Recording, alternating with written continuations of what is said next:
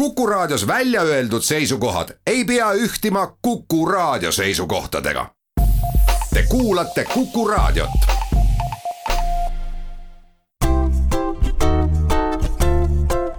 patsiendiminutid, Patsiendiminutid toob teieni Eesti Patsientide Liit. tere, head Kuku kuulajad mina olen Kadri Tammepuu ja tänases saates tuleb meil juttu hingehoiust ja inimlikkusest kuivõrd saatekülalisel on jõulude ajal, nagu paljudel teistelgi, muud tegemised, siis me lindistasime saate ette enne pühi. sel aastal me teame, et jõulud, aasta lõpp tulevad veidike teisiti, sest koroonaviirus piirab pühade ajal tuttavate kokkusaamisi ja ilmselt on ka tänavu neid inimesi rohkem, kes peavad pühad omaette raadio- või teleriseltsis veetma ja meie tänane külaline on paljudele eestlastele tuttav, oma ala üks tippudest, hingehoidja ja pereterapeut ühes isikus, Naatan Haamer, tervist! tere! igal hommikul silmi avades sünnitakse ühelt poolt justkui uuesti aga teistpidi kannab igaüks ikkagi kaasas oma elukoormat, mis mõnikord tiivustab, teinekord surub ligi maad ja tuleb ette olukordi, kus ei piisa alati ka ainult sõpradest ja lähedastest, vaid äh, vajatakse abi võib-olla hingehoidjatelt ja psühholoogidelt. aga mis vahe on, Naatan, hingehoidjal ja psühholoogil või psühhoterapeudil? nojah, võib-olla ühtpidi oleks see pikem seletus, aga katsuks niimoodi lühidalt, võib-olla metoodiliselt, tehniliselt lähenedes olulist vahet ei ole. et neid samu, ütleme, abistamise meetodeid ja lähenemisi kasutatakse nii psühholoogide kui hingehoidjate poolt. aga võib-olla selles vaatepunktis või viisis, kuidas probleemidele või olukordadele lähenetakse, on pisut erinevust. ja võib-olla see fookus, kui psühholoog lähtub just peaasjalikult siis sellisest psühholoogilisest inimkäsitlusest või ütleme siis psühholoogilisest vaatest inimesele, siis äh, hingehoidja võib-olla vaatab seda rohkem sellisest eksistentsiaalsest vaatenurgast lähtuvalt, kui nii võiks öelda. ehk siis ütleme, see lähenemise punkt on erinev, aga ausalt öelda paratamatult ei saa meie inimest lahutada nii-öelda erinevateks osadeks ja peame inimesi kui tervikuga tegelema, sõltumata siis sellest, millisest punktist me lähtume ja nii-öelda liikumist alustame, jõuame ikkagi lõpuks inimese kui terviku juurde. et selles mõttes ei ole hingehoidja see, kes noh, vahetevahel võib-olla on inimestel natukene sellised hirmutavad kujutlused, et et noh, et ma ei tea, hingehoidja saabub surija juurde nii-öelda viimset võindmist tegema või et noh, ma ei tea äh,, ikkagi millegi nagu sellise hirmutavaga võib vahetevahel olla seostatud, eriti eakamatel inimestel siis jah, päris kindlasti tegeleb hingehoidja elavate inimestega ja eluga endaga kui me mõtleme nende inimeste peale, kes äh, teevad oma tööd silmast silma siis teise inimesega ja samamoodi ka hingehoidja, siis äh, koroonaaeg on kindlasti muutnud seda töö iseloomu. kuidas üldse praegu hingehoidja ja abivajaja omavahel vestlevad või juttu ajavad? No ma olen katsunud hoida siiski nii palju kui võimalik, on sellist ikkagi silmkontakti, ehk siis ikkagi saada ühes ruumis kokku, küll maskid ees ja selles mõttes on natukene keerulisem, aga ikkagi saame niimoodi ka kohtuda, aga päris palju töötan juba kevadel, oli muidugi seda rohkem veebi vahendusel, kas siis ühes või teises sellises veebikeskkonnas, kus saab siis ka koos pildiga inimesega suhelda või siis ka telefoni teel, aga mulle üldiselt koos pildiga meeldib siiski rohkem. ja üldiselt inimesed on harjunud sellega ja mina selles mõttes, kui ma pean kodus olema ja tegema tööd ja ma siin vahepeal pidin ka olema igaks juhuks isolatsioonis eemal, et siis ma sain oma tööd jätkata, et ükski vastuvõtt ei jäänud tegemata ja ükski jutt ei jäänud rääkimata. Võib-olla võtab see natukene rohkem aega, ma olen kuulnud näiteks tohtrite käest. Ei tea, ma alati annan inimesele aega, vähemalt tunnikese, kui ma jutule võtan. ja ma arvan, et selle aja jooksul saab räägitud asjad küll, eks ei pea ju ühe korraga kõik ära rääkima no ja nii on ja, ja arstide visiidiaeg on ju ainult kakskümmend minutit. aga uue aja sõnapaar, mida ju väga sageli praegu koos kasutatakse, on, on eakad ja nende üksindus. ja eriti mhm. võib-olla ka pühade ajal. samas, kui ma toon välja siin ühe küsitluse, mida regulaarselt läbi viiakse, siis selgub, et koroonaaeg on toonud eakatele küll lisastressi, noh umbes kümnele protsendile eakatest, aga noored vanuses seal viisteist kuni kakskümmend neli nemad tunnevad äh, Covid-19 stressi neli korda sagedamini. samas -hmm. kui me vaatame teistpidi, siis on eakad need, kes helistavad võib-olla sagedamini nõuandeliinidele. miks eakad noortest äh, sagedamini abi otsivad? ma ei tea, kas telefoni vastamiste järgi saab päris seda hinnangut anda, sest et mõtleme sellele, milliste kontakti võtmistega on harjunud eakamad inimesed ja, ja nooremad inimesed, seal on üsna erinevus. Telefon on tuttav ilmselt eakamatele inimestele. noorematele on tihtipeale näppudega töö klaviatuuril ja, ja ühesõnaga sõnumite saatmine ja, ja võib-olla nad kasutavad lihtsalt teisi keskkondi. ma ei tea, võib-olla on ka siin meil omamoodi edasimõtlemist, et kui palju oleks vaja meil tegelikult selliseid keskkondi, kus vastatakse noortele nende küsimustele. ma ei oska öelda, kas seal uuringus on uuritud ka, kui palju näiteks noh, on selliseid veebinõustamisi ja mingit sellist suhtluskeskkondades võimalust kontakti võtta ja oma küsimusi esitada. ei ole? et ilmselt see ei ole päris selline võrdlus. ma arvan, et noored otsivad, vähemalt minu töö toob minu juurde viimasel ajal küll õige palju noori. ja, ja tõsiselt on nad kahjustatud ka sellest koroonaajast seda raskemeelsust, depressiivsust on palju rohkem, sest et need asjad on päris palju keerulisemad nende jaoks siin kohati. Aga millist nõu siis nendele anda, kelle elu on kuidagimoodi kriisi sattunud ja võib-olla tõepoolest ka see elutahe kipub kaduma, et ühtpidi on need suured muutused, aga mis siis aitab? noh, selge on see, et kui on olnud ärevust ennem ja pinge on juba kõrgemal olnud enne kriisi, siis kriisiaeg seda kindlasti võimendab.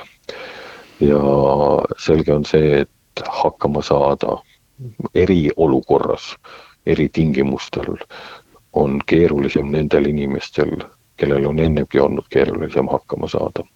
nii et selles mõttes on see paratamatult toob sellise pinge eriti esile. kuid mis aitab, noh, ma arvan, et kellelgi ilmselt ei ole sellist väga lihtsat ja ühest vastust sellele küsimusele. aga kui nüüd hästi suure üldistuseni viia probleemid, millega ma oma töös kokku puutun, siis võiks tõepoolest võib-olla taandada need probleemid lõpuks üksinduse teemale. ehk siis viimaks omal moel viivad need teemad mis muresid tekitavad kuidagi sellele, et me tunneme ennast üksildasena. et me tunneme, et meil ei ole kedagi, kes meid mõistaks, toetaks, kes meid oskaks aidata, kellega ma saaksin jagada. Läheme siit pausile ja tagasi tulles räägime, mida selle üksindusega peale hakata. patsiendiminutid patsiendiminutid toob teieni Eesti Patsientide Liit. stuudios on hingehoidja ja pereterapeut Naatan Haamer ja Kadri Tammepuu. me räägime täna sellest, mida üksindus kriisi ajal inimestega teeb. Mida siis selle üksindusega ette võtta ja kuidas seda leevendada? kui nüüd mõelda, et kuidas vähendada oma üksildust, siis äh, loomulikult on selleks ka väga erinevaid võimalusi ja noh, kui me seda endale teadvustame, siis võib-olla hakkame sellega spetsiaalselt tegelema. aga ma arvan, et üks asi on tõesti see, et um, meil on oluline sealjuures mõelda, et meie üksinduse vähendamine või üksilduse vähendamine hakkab pihta meist enestest, meie valmisolekust ja soovist otsida kontakte. Ja kui me ütleme, et mul ei ole kedagi, siis võib-olla küsida endalt ikkagi veel kord, kas see tõesti vastab tõele. Või äkki on keegi, kellel isegi oleks minu kõnest või kontakti võtmisest rõõmu või kes oleks valmis minuga natuke juttu rääkima.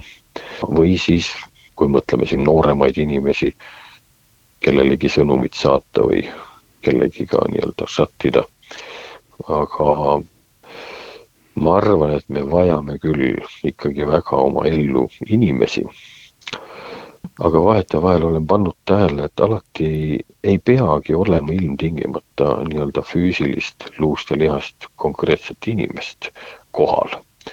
aga aitab ka see, kui me mõtleme kellegi peale nii-öelda sooja südamega või selliseid häid, helgeid, rõõmustavaid mõtteid. tuletame meelde mõnda mälestust, koos oldud hetke.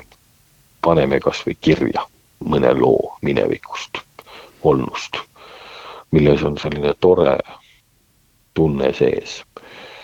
või äh, ka kas või jutustame nii-öelda kellelegi kirjaridades mingist kogemusest, saates talle näiteks jõulutervituse pisut pikema, rääkides kohtumisest, mis meenub ja mis tundub heana. ja nii edasi. ehk et ma mõtlen, et see jagamine võib ka vahetevahel olla tõepoolest selline näiteks kirja teel või lihtsalt mõttega kellelegi mõeldes ja neid mõtteid mõlgutades kui meil on aega ja tahtmist, ma arvan, et see võib olla vahetevahel päris abistav. ühesõnaga, olen kohanud inimesi, keda see päriselt aitab just hiljuti rääkisin ühe hooldekodu juhatajaga Kärust ja tema rääkis, et nemad olid sellel aastal toiminudki teistmoodi, et eakad olid kirjutanud ise kirjad, teinud endast pildid, panid need ümbrikusse mm -hmm. ja saatsid lähedastele ja jäid lootma, et neile vastatakse. mis mm -hmm. sa mhm. arvad, kas selliseid asju võiks ka teha, et mõnikord üllatada lähedasi? Jaa, no miks ka mitte, ma arvan, et eh, nii mõnigi inimene tänapäevastest noortest näiteks oleks päris õnnelik, kui talle tuleks päris kiri postkasti. minu lapsed on küll puha elevil, kui postkastis on mingi kiri. see ei ole nende jaoks üldse tavaline. ja just need väiksemad lapsed eriti. ma kujutan ette, et kui mõni lapselaps kuskil rõõmustaks kindlasti, kui vanaemalt või vanavanaemalt tuleks kiri postkasti. ja ma arvan, et siit annaks edasigi veel mõelda omajagu aga mida võiksid teha haiglas isolatsioonis olevad inimesed, kas neile võiks rohkem sobida endasse vaatamine ja mõtisklemine ja lootus, et lähedased teevad ehk sama, mõtlevad endast? mina arvan, et äh, mõtlemine on üks väga tähtis asi. heade soovide soovimine, kellelegi sooja südamega või sellist heatahtlikult mõtlemine äh, on tegelikult täiesti reaalsed asjad ja need mõjutavad, mina küll usun, et need mõjutavad nii meid endid, kui ma kellelegi hea tahtega mõtlen, kui ka ikkagi ka neid inimesi, kellele ma mõtlen.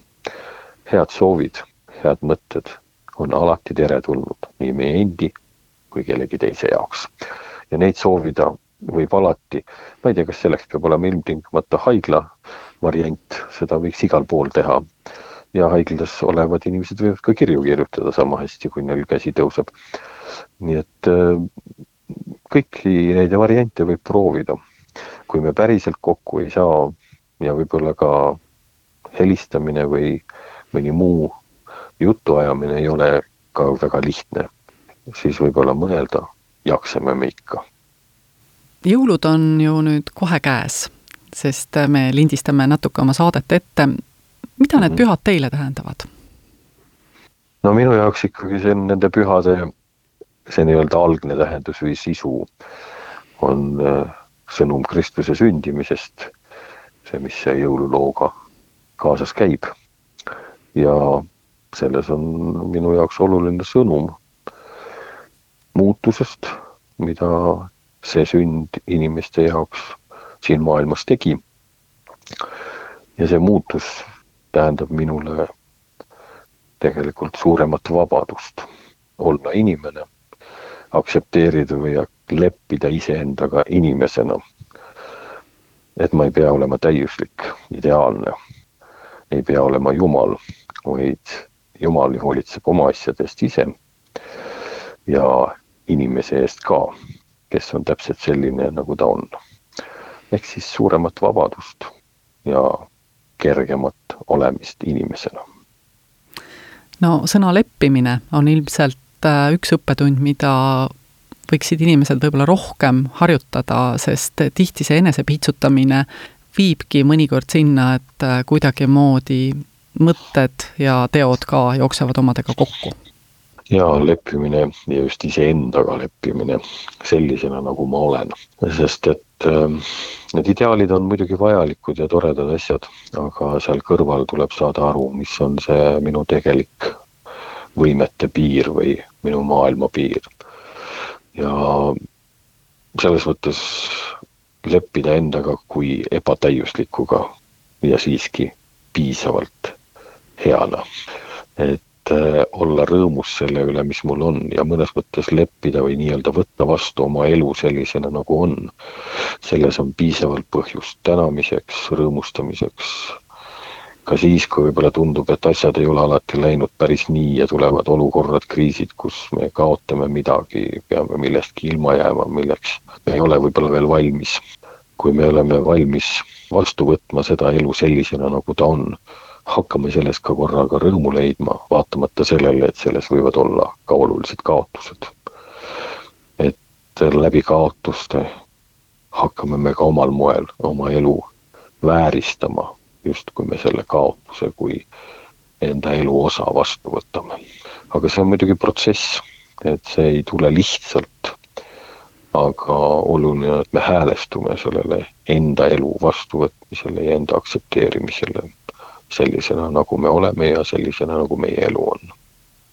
no need on küll väga ilusad sõnad ja loodame siis, et inimesed leiavad pühade ajal endas selle rõõmu ja leppimise ülesse. jaa, soovin leppimisrohket ja enesega rahu tegemisrohket jõuluaega. aitäh selle jutuajamise eest ja rahulikke ja rõõmsaid jõule! aitäh! Kõnelesid hingehoidja ja pereterapeut Naatan Haamer ja saatejuht Kadri Tammepuu. me täname kõiki kuulajaid, tänane saade jääb sel aastal viimaseks, aga kohtume juba uuel aastal. häid jõulupühi ja püsige terved! patsiendiminutid. patsiendiminutid toob teieni Eesti Patsientide Liit